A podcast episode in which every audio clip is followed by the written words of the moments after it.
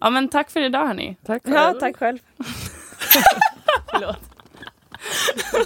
Det som om ni nästan pratade i kör. Scriptat. Ja, exakt. Okej, en gång till.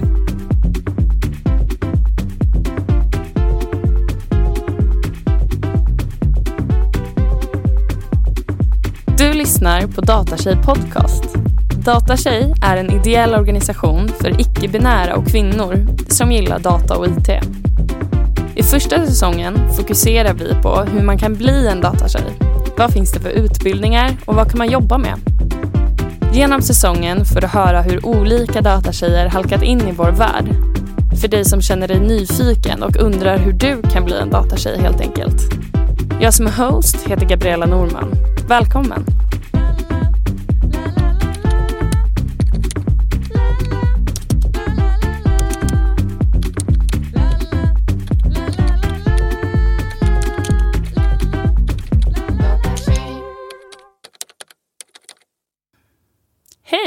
Idag är jag här med Ylva. och Anna. Och idag ska vi prata om medicinsk IT. Eh, och det gör att jag är lite partisk för att vi tre har pluggat samma sak. Och ni är ju faktiskt mina kompisar. Ja.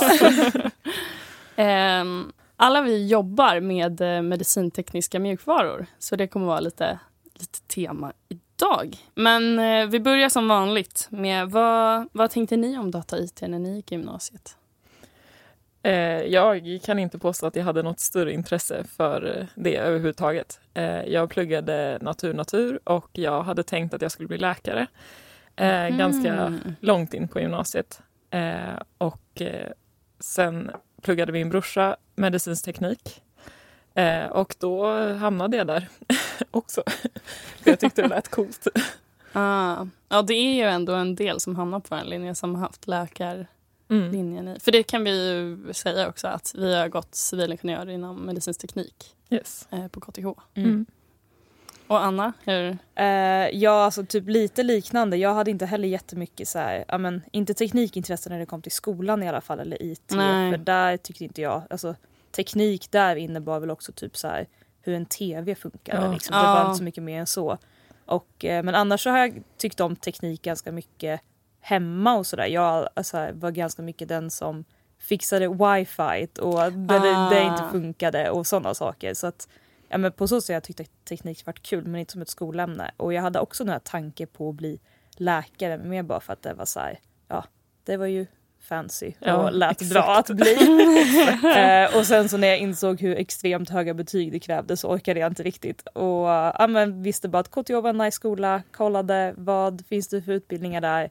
Såg medicinsk teknik och bara, ja men det är typ en liten kul kombination. Mm. Och eh, ja, på den vägen var det typ. Mm. Och jag hade ja, men li- lite liknande dig, att jag ja, men gillade väl att så här, vara problemlösaren hemma. Men jag hade ju, alltså när vi var unga, då, var ju, då fanns ju inte Spotify och sånt där. Nej. Så då var man ju tvungen att så här, ladda ner musik och om man ville lyssna och liksom så. Och så pass dataintresserad var jag ändå att jag liksom tog mig an och gjorde de grejerna. Mm. Ehm, och liksom, man hängde ju mycket på the internet. Men, men jag tyckte ju att... Alltså, jag hade flera klasskompisar i högstadiet som hade liksom fusk Windows installerat på sina datorer och kallades kolla för hackers. och, sånt där. och det var liksom min så här EU-bild av data-IT-killar som bara var så här. Mm. Och att jag tyckte att det var jättetöntigt. Mm. Ehm, så jag har nog aldrig tänkt att jag skulle jobba med, med programmering. Liksom. Nej, Nej, alltså, verkligen inte. vi hade inte teknik heller på mitt gymnasium. Så att Nej. liksom så här, Nej, jag hade inte heller det i gymnasiet. Nej, så då så fick man liksom inte heller se någon sorts annan sida av teknik än liksom typ det här, alltså som, som jag nämnde tidigare, så här, bara typ hur funkar en tv, hur funkar såna här grejer. Ja, som man hade i högstadiet. Som så här, Ja, man typ byggde någon sån här sorts liten robot, Bro. robotbil eller något sånt där. Eller bro mer än vad vi gjorde. Jag byggde, ja, Fisk- exakt. Nej, Ja. inte fisk- glasspinnar. Exakt. Jag en byggde bro med fiskpinnar. Exakt. Ja. Nej, man har ju inte, eller liksom när jag gick i högstadiet i gymnasiet så jag programmerade aldrig Nej, eh, Nej. i grundskolan. Liksom. inte jag heller. Nej. Utan det var först på KTH. Ja. Så att man hade inte så mycket insyn i IT. Jag tyckte Nej. mest det lät tråkigt. Liksom. Ja. Ja, exakt. Det fanns valbart programmering i gymnasiet, min Mm. skola. Mhm. Eh, då tror jag de lärde sig Python. Mm. Men jag bara nej, aldrig i livet. och valde typ filosofi och psykologi Ja, ja, verkligen. istället. Så här. Jag tror säkert det fanns på någon så här lång lista av valbara Ja, som vi hade också men jag kände liksom ingen som läste det så Nej. det Nej. liksom blev inte en grej alls. Nej. Nej. Och jag trodde bara att det skulle vara jättesvårt och jättejobbigt. Mm. Ja, gud ja. Men vad tyckte ni var roligast i skolan i gymnasiet? Då? Eh, Jag tyckte nog fysik var roligast. Jag tyckte Mm. mycket om matte och fysik. Nästan mer om fysik för att man fick använda matten till någonting som var lite mer konkret. Liksom. Ja, Mm. faktiskt. Eh, och sen så tyckte jag väl kemi och biologi var okej. liksom. Men det var mest eh, fysik som jag tyckte var roligast faktiskt. Mm. Mm. Ja, jag tror jag faktiskt också tyckte mest om fysik. Jag tyckte om biologi ganska mycket också. Kemi var så här, typ mitt hatämne. Jag Ja, tyckte jag inte också om kemi. kemi. Jag var Eh. fan rädd när jag sökte medtech. Ja. Medtech är förkortning för medicinsk teknik. Ja. att, eh, att vi skulle ha kemi. Mm. Nu läser vi bioteknik. ja, men det var, det var ju liksom mer bio, Mm. biologi, mycket mer biologi än kanske toucha lite på någon, att man lär sig Mm. någon aminosyra eller så. Ja, här, just men, men nej. Ja, Jag men, så, ja, men fysik, men det är som du sa, mycket för att det blev liksom så här lite mer greppbart. Mm. Eh, där också. Jag, liksom, fysik generellt sett så här blir lite mer ja, men, vardag än typ vad jag tyckte var typ kemi som var så himla liksom det är så här atomer, alltså så här jättesmå partiklar och bara sådana här grejer liksom i ja. Mm. typ så här, ja men det var så abstrakt allting Ja. liksom. ja, fysik var verkligen rimligt. Exakt. Mm. Ja, det var det då. Ja, ja exakt. För sen började man på KTH. Ja, Och då, fysik var också mitt typ favoritämne. Eller jag tror jag gillade matte mer. Men Mm. alltså, jag trodde ju typ när jag började medicinsk teknik att jag skulle hamna på någon fysikmaster. Mm. Det tänkte jag också. Ja. Och sen bara... typ, Ja. första, typ termodynamik som en av våra första fysikkurser. Och jag bara, herregud. Ja men det var ju för att fysik på KTH blev ju så mycket mer, då blev det ju igen det här att det var helt ogreppbara grejer. Att det var Ja. antingen liksom Mm. så här nanofysik eller så var det liksom så här Alltså jättestora koncept som Mm. var så här bara, alltså så, Mm. Ja, allt var så exakt, stort och komplicerat och igen typ inte greppat. Då kändes det inte som att det, jag bara, vad, vad ska jag bli med det här då? Jag vill Mm. inte bli fysiker. Nej, så att, liksom, vad ska jag göra med den här kunskapen? Mm. För det gillade jag med IT, att det här känns så applicerbart Ja. på arbetslivet. Mm. Och att liksom, det här är liksom kunskap jag vet vad jag ska göra med. Mm. Ja. Mm, absolut. Eh, men vad kände ni var, var viktigt för er när ni skulle välja utbildning? Att det fanns liksom jobbmöjligheter och att det var fortfarande relativt brett. Alltså, Mm. Hade man blivit läkare, fine, man kan välja ganska många inriktningar där också. Men jag kände lite att jag inte ville stänga några dörrar. Jag ville kunna jobba med lite vad som helst. Liksom. Mm. Eh, och därför tyckte jag civilingenjör, det är liksom det första man hör. Oh, men då kan man göra vad som helst när man Ja. har den utbildningen. Ja, men precis. Eh, och det var väl lite så, mm, jag såg det som en stor fördel. Liksom. Mm. Ja, alltså jag tänkte lite samma för jag visste inte vad jag ville bli riktigt. Så då också ville jag utbilda mig någonting som bara gav mig liksom bara mer kunskap och mer liksom så här grunder att stå på. Alltså för mig kändes det som det var lite så här den, på ett sätt den fega vägen ut för att det var som en fortsättning på natur i gymnasiet Ja, ungefär. Men det var så här. Man behövde ju välja inriktning. Eh, Så på så sätt var det lite mer liksom specifikt så men annars så det kändes ganska bekvämt att fortsätta med och bara liksom bygga på hela den naturvetenskapliga kunskapen Mm. typ, som man Mm. hade lärt sig för att det tyckte man ändå var kul. Mm. Och så här, då kan jag ju bli, då hittar jag ett jobb sen Ja. som, som passar in på de här eh, möjligheterna som jag har fått liksom. Ja. ja, men precis. Mm. Nej, jag tror inte man ska göra som, som jag gjorde. Jag bara, det där låter bra. Och jag hade faktiskt varit på studiebesök eh, på sjukhuset i Västerås eh, i gymnasiet. Mhm. Och då var det några bioteknikingenjörer, några medicinteknikingenjörer som jobbade där på ett projekt tillsammans med läkare om hjärtpumpar. Mm. Och då tyckte jag att det var jättespännande. Bara, ah, man kan plugga till medicinteknikingenjör. Liksom. Ja. Mm. Eh, men sen var jag typ inte riktigt säker på vad, vilken utbildning det var jag sökte. jag bara, det är nog den här. Sökte den och bara, eller tänk om det här är den här som är typ mer bioteknik. Just För medicinsk teknik, för lyssnaren, är liksom maskiner som har Mm. med medicin att göra. Så liksom all, all teknik som finns på ett sjukhus. Och, Mm. eh, ja, men även eller, produkter kan också finnas utanför sjukhusen som är medicinsk teknik. Men eh, Medan bioteknik kan ju mer handla om läkemedel och mediciner och så vidare. Mm. Och det vill jag ju inte plugga för jag hatade ju kemi. Exakt. så att jag var ah, tänk om det är den jag hamnar på nu. Och så sa jag typ till mamma och pappa att jag skulle plugga till att utveckla maskiner inom medicin. Och sen Mm. började jag, så var det typ första dagen med Mats Nilsson, vår programansvarig. Och han berättade om programmet och jag bara, ah, Ja. skönt. Det, blev var det. det. alltså, så himla dumt. Ja, men det minns jag också från första dagen hur han också ville förtydliga, för det tror jag kanske många har felaktig uppfattning om att, att medicinsk teknik, civilingenjör är typ någon sorts 50% civilingenjör, 50% läkare liksom. Mm. Men så är det ju Ja, verkligen inte utan det är, så här, det är ju minimal mängd egentligen medicin man läser. Ja. Utan det är ju egentligen snarare bara det att om den tekniken vi läser så är det kanske i första hand liksom medicinsk teknik, typ röntgenapparater eller liknande. ja, exakt. Mm. Exakt. att det, är ju så här, det var vi, I ettan vi läste en kurs i fysiologi men annars så det var, efter det tog typ medicinen slut nästan. kändes Ja. det som. Mm.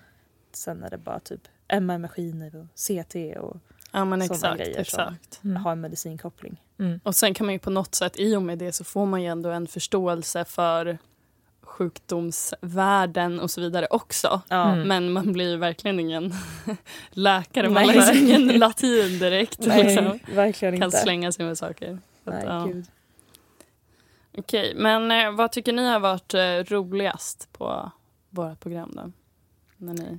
Alltså, ja, I och för sig så är det ju lite, blir man ju lite par, eller vi har ju inte pluggat IT och sen har vi valt IT-inriktningen. Så på något sätt tänker jag att vi alla kommer att svara typ programmering. Ja, ja, men jag tyckte framförallt just när man kom till mastern och fick, ja, men när man fick välja lite själv där. ja. Bygga upp mer, alltså så här, de kurser man ville läsa. För det var mycket under kandidat ibland som man kände att eh, det här är inte, det var lite Nej, kurser som exakt. man bara kände inte hörde hemma. Och det är ju mycket för att medtech är lite under konstruktion fortfarande. Mm. Ganska, inte så jätteny längre men fortfarande så arbetas ju utbildningen på. Relativt ny. Ja, Mm. Så det skönaste tyckte jag var att komma till mastern och få välja lite kurser själv. Mm. Då valde man ju själv ganska mycket ja, men, IT-inriktade kurser. Precis. Mm.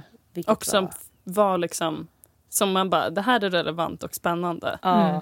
Exakt. Och då blir det ju bättre. Ja, verkligen. Men då hamnar man ju också in mot datainriktningen istället. Kände jag i mastern liksom, när man fick välja själv.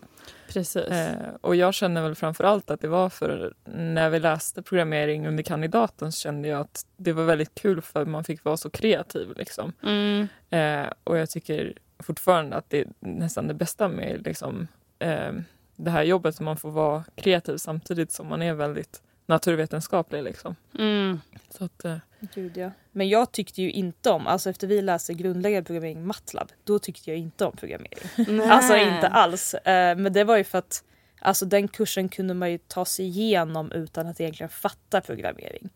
Eh, så jag liksom lärde mig aldrig exakt hur man gjorde. Jag, det, det Ah, blev liksom snarare ett fokus på att, att bara klara varje labb snarare än att liksom faktiskt fatta den. ja, för liksom. då gjorde man ju labbarna i par också. Mm, exakt. Och eh, ja, men det blir liksom, då lutar man sig mot varandra så mycket och man, eh, alltså man delar upp arbetet liksom, och så bara ser man till att bara få sin del gjord. Liksom. Mm. Eh, och bara, man fick ju så mycket hjälp från så här, andra studenter och gamlingar som bara så här, gör så här och så, så löste det sig och så behövde man inte fatta vilket man tyckte var jätteskönt för man hade annat att göra. Men Mm. det ja, gjorde- framförallt det att man hade annat att göra kände jag. Alltså Ja. att det var konstant stress, att man hann liksom inte lära sig på riktigt allting. Nej. Liksom.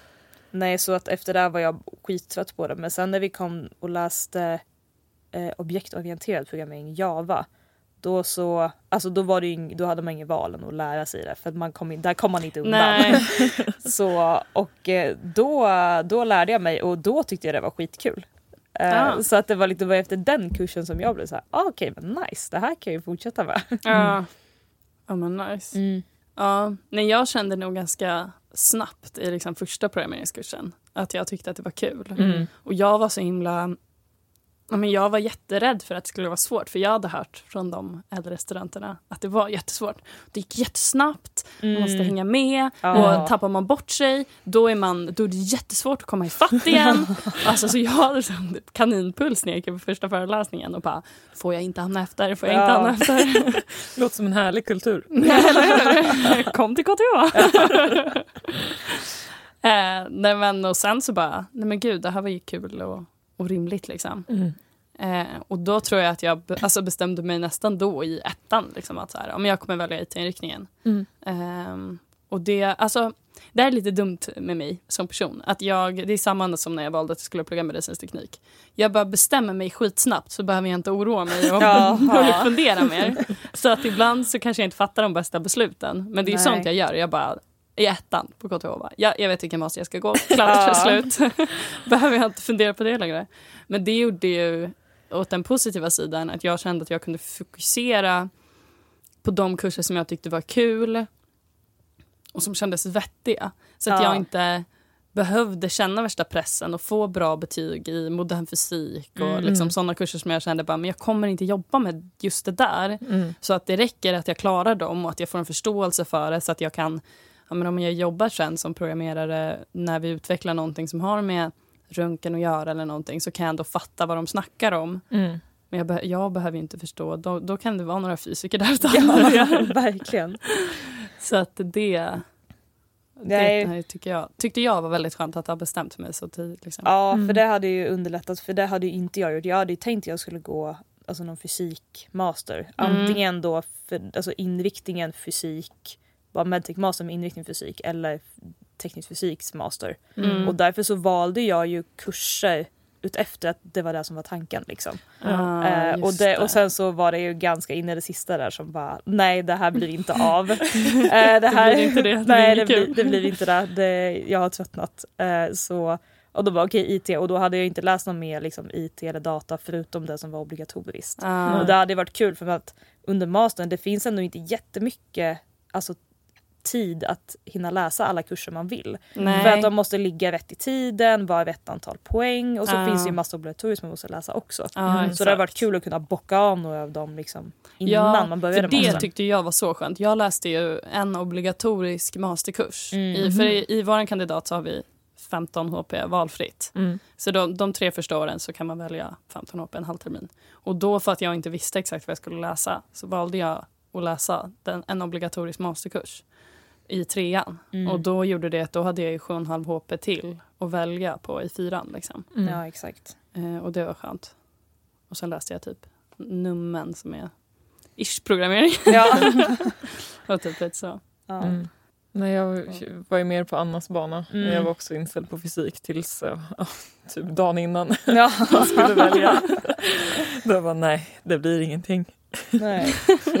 Men sen så både du och jag varit ju inspirerade av att du gick den mastern också tror jag och vi fick ju lite insyn i det som du läste Mm. Mm. Ehm, och tyckte det lät kul. Ja, alltså verkligen. Det är så svårt att veta annars liksom eh, hur de olika masterna ser ut och det här är också ett ganska nytt upplägg liksom. Ja, precis. För Eh. jag... Om jag var första eller andra året. Jag Mm. kanske var... Var jag första Det året? kan ha varit första. För, för Ja. jag har gått året över Anna och Ylva. Lyssnarna som vet. Ja. Ehm, men så innan så var det liksom en, en medicinsk teknikmaster. Mm. Och så fick man, hade man jättemycket möjligheter att välja själv. Mm. Men det gjorde också att det var väldigt svårt att veta hur man skulle forma det på ett bra sätt. Och en del valde lite här och lite där så blev det jättespretigt. Så Mm. därför införde de spår. Och då var ett av spåren IT. Eh, och det var ju fortfarande inte så spikat när jag gick det. Då var det liksom så här, det finns något när man pluggar på eh, universitet som heter villkorligt valbara kurser. Och då är det en lista, så är det så här, du får välja bland de här kurserna, någon Mm. kurs du vill läsa. Eh, och den listan var liksom väldigt ofärdig när jag Ja. började. Så det var så här, hittar du någon kurs som funkar på listan så går det säkert bra. Eh, så jag valde ju väldigt, väldigt fritt. Vilket jag tyckte var skönt, för då fick jag jättemycket. Mm. Och jag vet inte om det var så mycket mer spessat till ert år, men Ja, alltså lite mer men alltså jag valde ganska safe kurser hela tiden. Det var så här, Ja. alla mina var verkligen så här, antingen var det data eller så var det liksom eh, någon sorts medicinsk liksom, så här, Mm. Mm. programmering på något sätt. Så jag, bara, liksom, jag var aldrig orolig där liksom, att det här går inte att räkna in. Liksom, för det var verkligen så här, machine learning, deep learning, artificiell intelligens Mm. och deep learning inom medicinsk teknik. Liksom. Det var, Ja, allt var liksom självklart att det passade in i, Ja. i utbildningen. Och nu har de gjort om den igen. ja, jag hörde det. Spännande. Ja, så nu är det några så här obligatoriska projektpoäng du måste läsa. Liksom. Det är så här, jag vet inte hur mycket, det är så här nästan 10-15 HP-projekt eller någonting Jaha, i mastern. jaha. Eh, Det kan jag i och för sig tycka är bra. Ja, det är bra samtidigt som man, det är så stor del av mastermedlen mastersarbetet. Eh, verkligen. så att det blir det Ja. ännu mindre utrymme det här med att välja kurser man vill Ja, läsa. Ja, Så det det kan det sant. vara Åker man på utbyte då, då har man ingenting kvar sen. Nej, och det Nej, kan ännu precis. viktigare då att kanske veta lite tidigare i kandidaten vilken master man vill läsa så man hinner bocka av några kurser som man kanske vill läsa inför mastern. Ja, Eh, som kan vara bra i så fall. ja, men precis. Och det är ju, som vi hört, så kan vara svårt det att veta, att veta. vad man vill här i livet. Ja.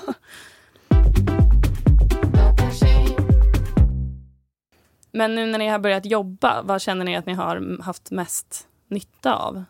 När ni har pluggat liksom? Inte mycket. Eh, jag känner att man har lärt sig mer. Jag har jobbat i fyra månader nu och jag har lärt mig mer under de fyra månaderna om alltså, programmering och ja, så. Eh, än jag gjorde liksom hela tiden på KTH. Mm. Eh, men nu är det ju en heltidssysselsättning så det är inte så konstigt. Liksom.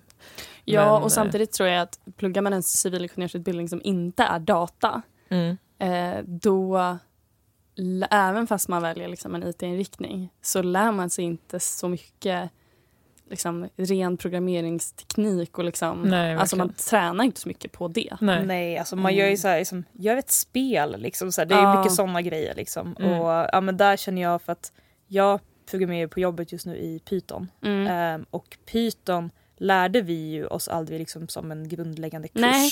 Utan Python var bara så här, något man kom i en kurs och bara ah, här programmerar vi i Python. Mm. Bara, Jaha. Och då var det liksom bara att lära sig. Där man liksom så här fick bara learn as you go. Ja, och Mm. då var ju fokus på något annat. Då kunde ju Ja. det vara en AI-kurs och så Mm. skulle man ja, men, lära sig att göra saker med AI. Och då var ju Mm. fokus på teorin och Mm. att man fick resultat. Och det var Ja. ingen som code-reviewade ens kod Nej. och sa nej, så här, nej, nej, nej. det är bättre om du skriver så här eller det här är mer effektivt. Liksom. Mm. Eh, utan det skulle man ju ha lärt sig i något annat språk då i grund, liksom i kandidaten typ. Ja Mm. exakt, för det annars lärde vi oss mycket i, i Java, alltså den objektorienterade programmeringen. Att då var det mycket fokus på att koda bra. Ja, och inte exakt. bara att koda så det funkade. Nej Mm. precis. Eh, och det känner jag att man har nytta av nu. Alltså nu är det inte samma språk men ändå det här tänket att det ska liksom vara det, det räcker inte alltid med att det bara funkar utan Nej. det ska liksom faktiskt vara på ett visst sätt också. Ah, Mm. och Eh, lättläst och ja, man alla ska lättläst förstå. och- Ja, men på Mm. en arbetsplats som har de ju ofta ett format liksom, som de kodar ut efter. Liksom, Mm. Där vi skriver så här. Och,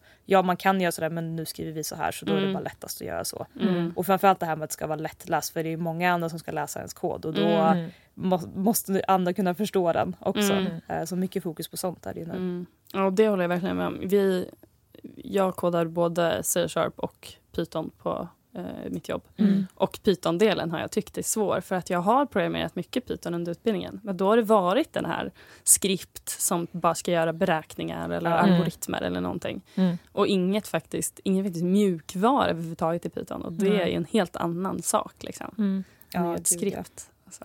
Men jag Ja. känner väl lite som den här klyschan, liksom, att det man har lärt sig under utbildningen är väl att man kan lära sig saker Mm. enkelt. Liksom, att, det, att man är snabbare. Liksom. För jag kör också C-sharp på jobbet och det Ja. hade jag inte använt innan jag började exjobba. Liksom. Eh, det var bara att hoppa in i och köra på. Liksom. Ja, och det är inte superolikt Java heller Nej. som vi, Nej. Men, men det blir ju ändå en... Det är ju en annan grej. Mm. Men det, på det sättet så kan man ju också säga om det är någon som lyssnar som inte har börjat programmera än att så här, det är, när man har lärt sig programmering så är det ganska lätt att lära sig ett nytt språk. Det är, Ja, liksom verkligen. inte, det är inte en helt ny grej att lära sig då. Nej, det är för att programmering är mycket till ett tänk också. Mm. Och sen då blir det mycket, ja, bara för att man inte vet hur man skriver någonting i det här språket så är det, det är en googling bort liksom. Ja, så man vet exakt. bara liksom hur man ska, alltså så här, Precis. programmeringsmässigt ska göra någonting. Då är det Exakt. jätteenkelt att lösa om Exakt. man inte kan språket. Mm. Det, det finns eh, något som heter pseudokod, alltså att man Mm. skriver Mm. I, i ish-kod hur man ska lösa någonting. Och kan man göra det så är det jättelätt att googla sen på hur man faktiskt gör det i det språket man, man skriver i. Liksom. Ja. Ja, men hur, eh, hur kände ni när ni skulle ge er ut på arbetsmarknaden och börja, börja söka jobb? Det var ju här i våras. Ja. Eller jag började ju söka jobb i typ ja, men det var så februari, mars någon gång. Man började ge sig ut ganska Mm. tidigt i alla fall bara för att se vad som finns. Och Mm. Det tog ett tag bara att orientera sig lite så här vad för sökord man skulle använda, vad för typ av jobb man kan få, vad för titlar liksom och sådana Mm. saker. Så att Mm. det tog ganska lång tid att bara så orientera sig och sen att faktiskt hitta den här balansen mellan vad man kan få och vad som låter intressant. Mm. Eh, var ju väldigt mycket att utforska och jag hittade, fick ju inte mitt jobb förrän under sommaren. Mm. Mm. Eh, och hade nog sökt ganska mycket under hela våren. Mm. Eh, så det var, ja, det var ganska utmattande Ja, ett tag. ja, du hade ju en del processer där du verkligen gick till Mm. slutet och Ja, var typ ja. två kvar. Mm, Och sen ja. bara... Jag gick långt Alltså. i många processer men då kommer det ner till någon detalj som det var Alltså vissa ville att man skulle bo någon, annan, någon annanstans och det, i början så lät det inte som att det var ett problem men sen så när det kom till kritan så var det någon Ah. som bodde på någon mer, alltså, i en mer lämplig stad där de också hade kontor och då ja, ville de helst ha någon dit. Ja. Mm. Och ja, men det var mycket så här små saker ibland som gjorde att man eh, inte gick vidare eller ibland så bara Ja, så tog, gick man långt i processen och allt tog lång tid och sen så bara nej vi har gått vidare med andra och då bara jaha, Ja. börjar vi om från noll. Ja. Ja, och man fick ju sällan någon feedback på varför, om det inte var så här, du bor i fel stad. Mm. Men alltså ofta så bara, tack för din ansökan, vi har gått vidare med andra. Och man bara, jaha, vad ska jag göra bättre till Ja. nästa gång? Mm. Jag tror liksom både för dig och mig ligger i, lite i så här, vår person att man bara, jaha, vad kan jag göra bättre då? Ja, verkligen. Ja. Eh, Man vill ju veta det. Men det är som sa, Så. man, alltså såvida det inte var någon sån liksom så här, alltså, objektivt sak som, att, sak som att man bor i fel stad, då fick man inte veta liksom, vad det var. Nej. Alltså om det var för lite erfarenhet eller om det var att eh, någon annan var en bättre match personlighetsmässigt. Liksom Ja. det, alltså, eller om man bara, ja om det var någonting annat. Men man får inte veta någonting. Ja. Och det är riktigt frustrerande. mm. Ja, och det är så himla konstigt att vara i en sån process. Också. För det är Mm. som att man det är som att man dejtar någon och sen vet man liksom om att den andra personen dejtar någon annan också.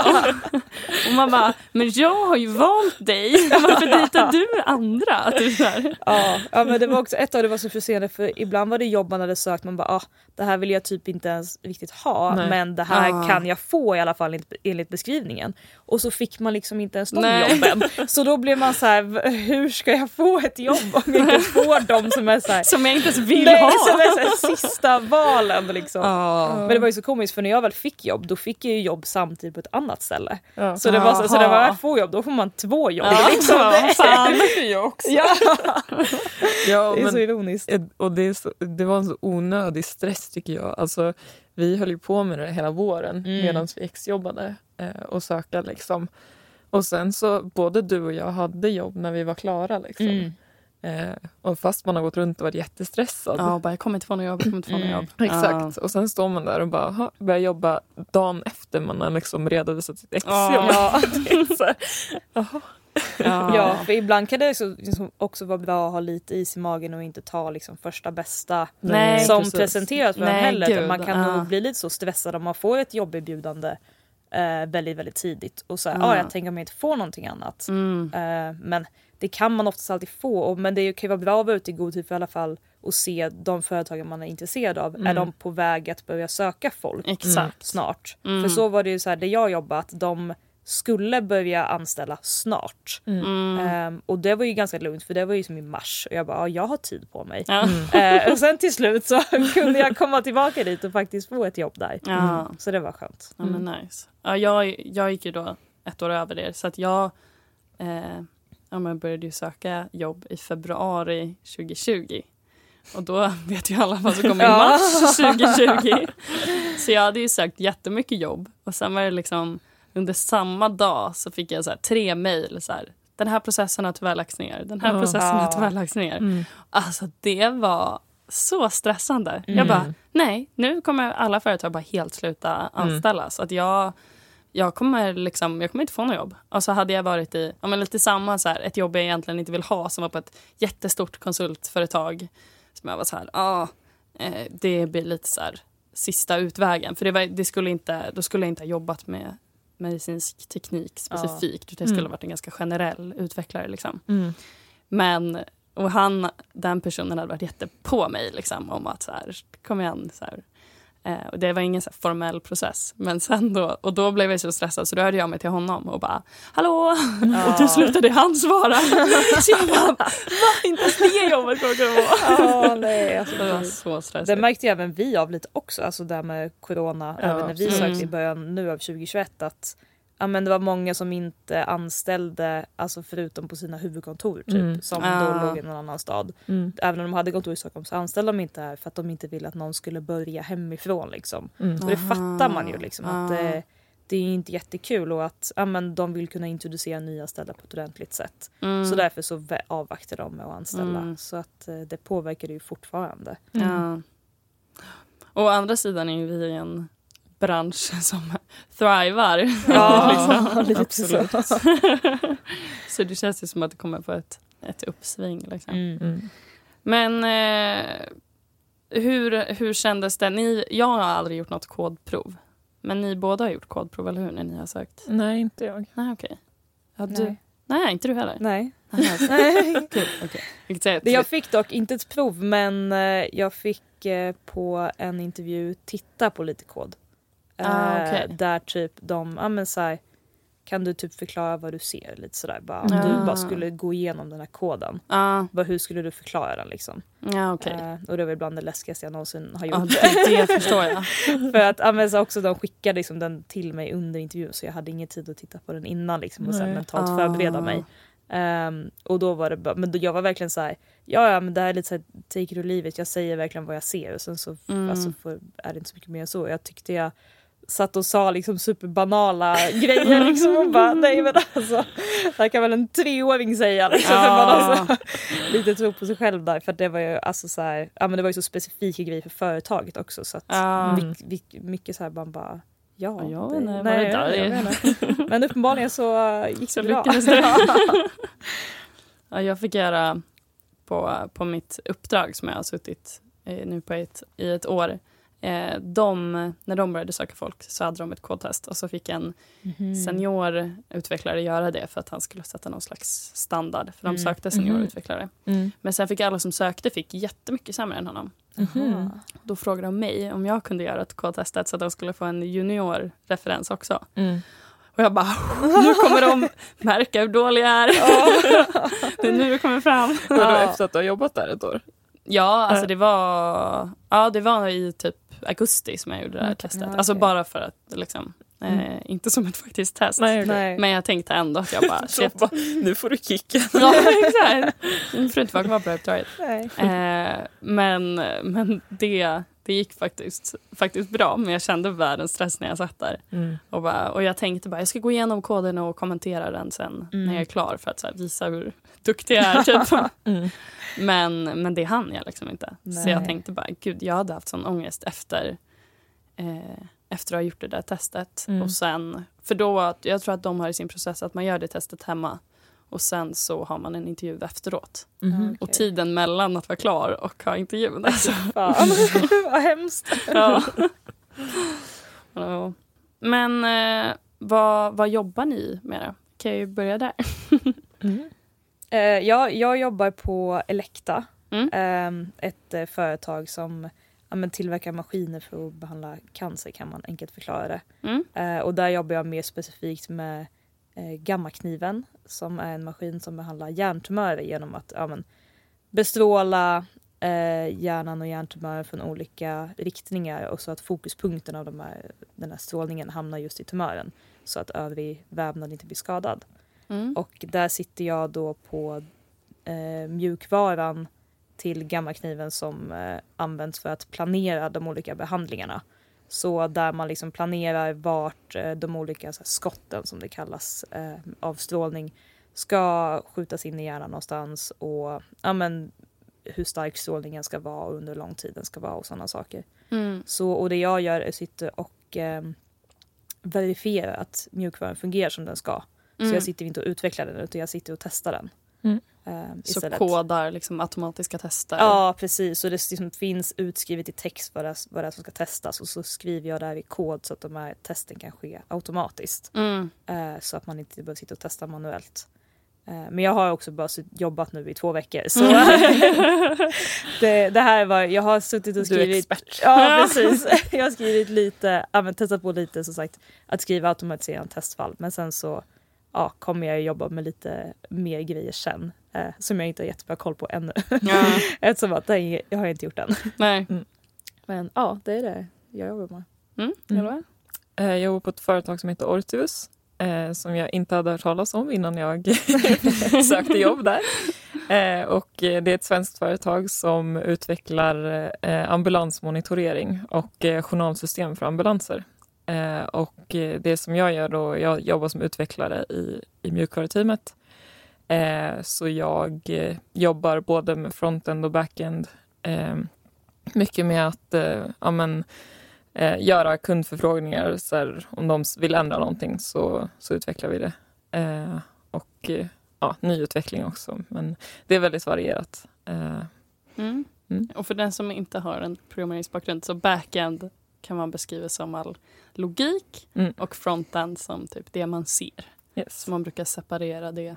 Eh, ja, men, eller man separerar det väldigt tydligt. Exakt, men mitt företag är ett eh, ganska litet företag. Eh, Mm. Så att de flesta jobbar med både backend och frontend hos Mm. oss i mitt Coolt. team. Jag? Eh, jag jobbar på Cubist som är ett medicinskt IT och AI-konsultföretag.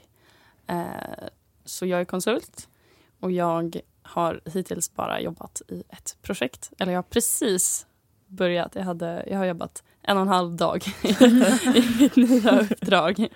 Men eh, det senaste året har jag jobbat i ett projekt som gör en plattform för att analysera medicinsk data. Så tar in journaldata och ekonomisk data eh, och eh, bygger upp det här eh, i en grafdatabas och sen så kan man analysera det här med olika metoder. Och där har jag jobbat mest med back-end-utveckling. Eh, så jag har suttit mest i C-sharp. Sen har jag lite hållit på med vårt analyslager eh, som är i Python. Eh, men de senaste typ sex månaderna så har jag typ bara suttit i, i back-end. Ehm, men nu håller jag på och byter eh, uppdrag så att jag ska ha, kommer ha lite mer AI-fokus i mitt nya uppdrag. Kul. Ja, det ska faktiskt bli kul. För det, om, vi kan gå tillbaka lite till det, att vi alla, eller i våran master, man kan nog kanske rikta våran IT-master lite mot, eh, jag vet några som riktar det mer mot embedded programmering Mm, mm, och lite mer databaser och sådär. mm. Eh, men, men vi alla tre riktar det mest mot, mot AI Ja exakt. eh, och Mm. medicinsk AI. Så det är mycket, mycket bilder Mm. Ja. framför allt var det. Bildbehandling liksom och sådana grejer.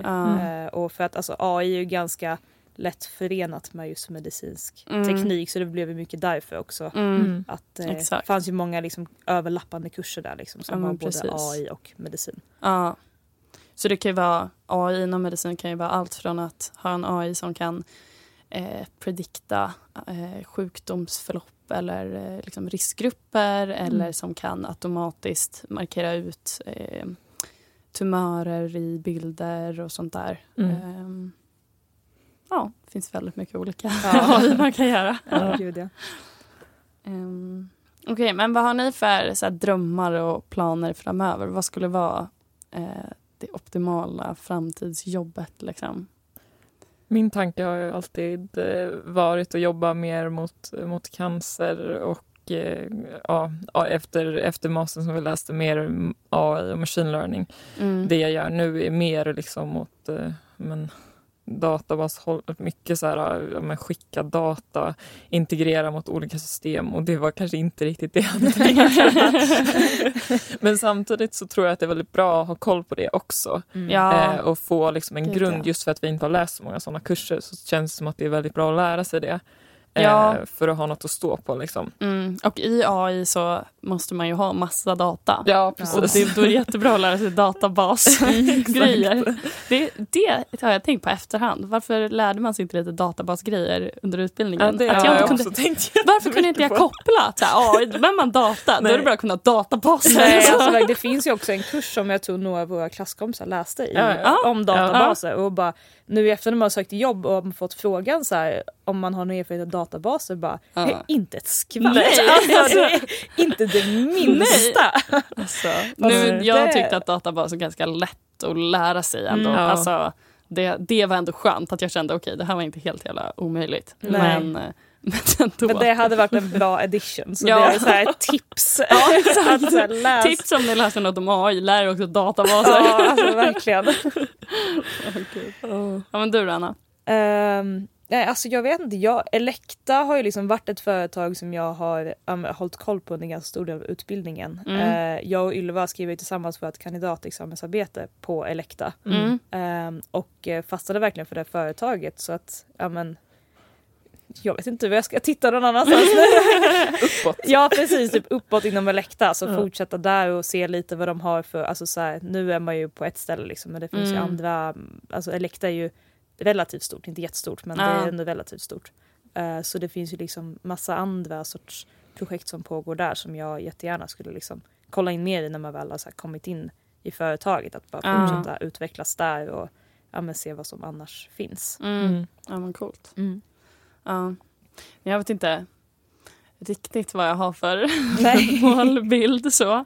Men eller framförallt har jag tänkt på att man kan jobba med så himla himla mycket olika. Mm. Eh, så att jag känner att de målen jag har är nog ganska kortsiktiga. Liksom. Mm. Ehm, men jag känner ju ja, men att jag mer vill jobba med, med AI. Mm. Jag tyckte att det här året har varit väldigt kul också att jobba med liksom backend och så och jättelärorikt. Men jag känner ju att det här att det nya uppdraget nu när jag har börjat så här, en och en halv dag börjar researcha lite mer AI-grejer och sånt där. Mm. Att jag bara just det, det här Ja, ja det är exakt. kul liksom. Mm. Ehm, så jag inte, en så optimal grej vore ju att bli någon slags medicinsk AI-expert. Ja. typ bli så här industridoktorand eller Mm, någonting. ja. Så om något eh, medtech-företag söker en industridoktorand inom medicinsk AI Ja. så har att mig. Ja men så får man också se, för liksom så här, jag vill ju kanske inte sitta heller och testa bara grejer liksom, så här, resten av mitt liv. Men jag kände samtidigt att det känns som en så sjukt bra start också. Bara för Ja. att lära sig hur saker Mm. fungerar. Och att eh, ja, men bara se hur ett företag jobbar med sådana alltså med programmering också. Ja. För det är ju Mm. annorlunda mot liksom, från i skolan som jag nämnde att så här, sitta och programmera liksom ett kortspel. Det, är liksom, det blir Mm. inte samma sak. Nej. Så att det är också så här, man får också bara se, som, som du sa Ylva också, att eh, det är en så bra inkörsport bara. Att Mm. Ett Ja. bra sätt att lära sig liksom, mer om riktig programmering. Eller hur Ja. jag ska uttrycka det. Ja, men det, det går ju inte att få så här expert-AI-jobb om man inte har jobbat med någonting. Nej, Liksom. nej. Alltså, man får inte glömma det, vissa sitter på alltså, företag i så här 20 år. Liksom, så Ja, att det, herregud. man har ju några år framför sig. Ja, Ja. exakt. Och det tycker jag är väldigt skönt med att ha gått en sån här utbildning. Det tror Mm. jag att jag har sagt i tidigare poddavsnitt också. Men att Mm. man verkligen kan om man jobba ett tag med någonting och sen typ byta helt om man Ja. toktröttnar. Liksom. Mm. Verkligen. Eh, och jag menar, har man pluggat civilingenjör så kan man till och med byta bransch. Alltså Mm. vi skulle inte behöva vara kvar i medicinsk teknik om vi Nej. inte vill det. Liksom. Nej, precis. Eh, Nej, det är inte alla på Elekta som har pluggat medicinteknik heller. Utan Nej, eh, verkligen inte. folk hamnar ju där. Liksom, Ja. Mm. Nej men Eh, och det på Cubis också. Vi är nog ganska få som har gått medicinsk teknik. mm. Det är många som har gått teknisk fysik eller som har gått data. Ja, men just för att det är en så pass ny utbildning också. Mm. Ja, jo, är den, det 12 med. år? Mm. Men eh, många liksom, av de äldre på företaget har ju hos oss har pluggat data eller eh, elektro. Ja, just Eh, Mm, Just för vi jobbar ju med mätutrustning och så också. Så det är mm. ganska naturligt. Ja, men precis. Ja, och Mm. många inom vår utbildning, de, vissa inser ju liksom en bit in att de Ja men medtech kanske inte var deras grej men att de fortsätter ändå plugga för att ja men dels under mastern så kan du ganska ja men specificera vad det är du är intresserad av och få jobb sen inom en annan bransch. Ja. För att du har läst vissa kurser liksom. Så det, Mm. ja, men precis. Eh, har ni något tips till någon som precis ska börja plugga? Eh, jag känner väl lite som vi sa att väljer man en utbildning som ingenjör eller civilingenjör så, eh, så stänger man inga dörrar. Liksom. Eh, så tips är att välja någonting som du tycker verkar kul och som du kommer liksom, ha roligt medan du pluggar. Ah. För det är nog det enda sättet att ta sig igenom fem år. Liksom. Mm. Och sen inte oroa dig så mycket för vad som ska hända sen utan sen sen kommer sen. Liksom. Ja. Det, är, Ja. det är enkelt att välja inriktning i slutändan. Liksom. ja. Eh, Ja, och jag skulle säga också att eh, om man väl men har sökt in någonstans och hittat eh, där man vill plugga, att eh, se till att eh, vara med på väldigt mycket grejer när du pluggar också. Ställ in dig på det, för att det händer mycket saker när man pluggar Ja. som är utöver studier. Ja. Och genom de här olika aktiviteterna så, så lär man känna väldigt mycket folk, folk man kan sitta och plugga till olika grejer med. Ja. Man lär känna äldre studenter som kan ge en tips inför just Mm. din specifika utbildning. mm. Så alltså, att plugga är inte bara att plugga, det är väldigt mycket kul annat också. Ja, så exakt. exakt. Det, ja, men det finns mycket till det. Mm. Precis. Det håller jag verkligen med om. Att hitta folk att få ångest med. det gör att ångesten känns Ja. lite lättare. Ja. det är lite det som har tagit en igenom hela studietiden. Ja, man märk, gud, ja. märkte tydligt när det var corona och man satt hemma hela tiden. Ja. Då märkte man att så här hade jag inte klarat av att plugga i fem år. Nej. Alltså. Ja, på det sättet är jag väldigt glad att jag bara hade exjobbet kvar liksom, den där våren. Ja, Mm. exakt. När det kom. Mm. Ja. Men något jag också har tänkt på det är att många verkar ha bilden av att, eh, att KTH inte har något studentliv. Mm. Det, den bilden hade jag också innan jag började.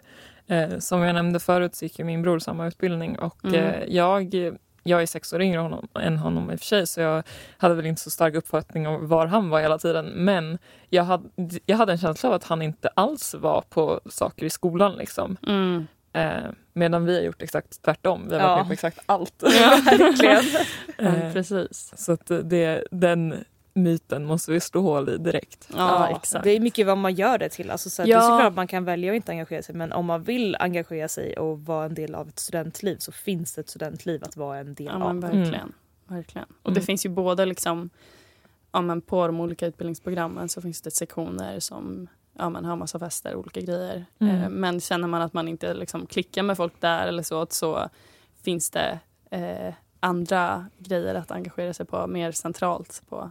Ja, och att liksom, sektionerna, det handlar inte bara om att festa och dricka alkohol heller utan det finns liksom en grupp för brädspel, det finns en grupp för segling, det finns en grupp för trä. Alltså det, finns Ja, all, det finns någonting för exakt alla. ja Mm. exakt. Och det finns massa möjligheter, alltså det tror jag finns ja, men nästan överallt, att få lite erfarenhet man kan skriva på CV. Att Mm. typ ta någon uppdrag i någon styrelse och Mm. liksom ehm, ha något man kan prata om när man har arbetsintervju. Hur det har varit att samarbeta med andra eller liknande. Mm. Det är väldigt skönt att ha det på arbetsintervjuer att förklara att man har ja, men varit väldigt aktiv inom studentlivet och Ja. varit en del av många saker. Det, ja, men det uppskattas mycket från deras sida också att man lite så här, gjorde någonting mer. Mm. Eh, ja, framförallt om man som mig inte heller har de bästa betygen överallt så är det bara ursäkt. Att bara, ja, men jag engagerar mig, jag jobbade Ja, under tiden. exakt. Det var mycket. Ja, men verkligen. Men tack för idag hörni. Ja, tack, Tack själv. Eh, och så vill jag tacka Tom Gorren för introt eh, och Sonica Studio för att vi får spela in här. Och så tycker jag att alla som lyssnar ska bli medlemmar på Datatjej på datatjej.se. Och så kan ni följa oss på Instagram, Facebook eh, och LinkedIn. Där heter vi Datatjej. Och har ni några frågor, förslag eller tankar eh, om podden så är det bara att mejla mig på medlem.datatjej.se. Tack så mycket.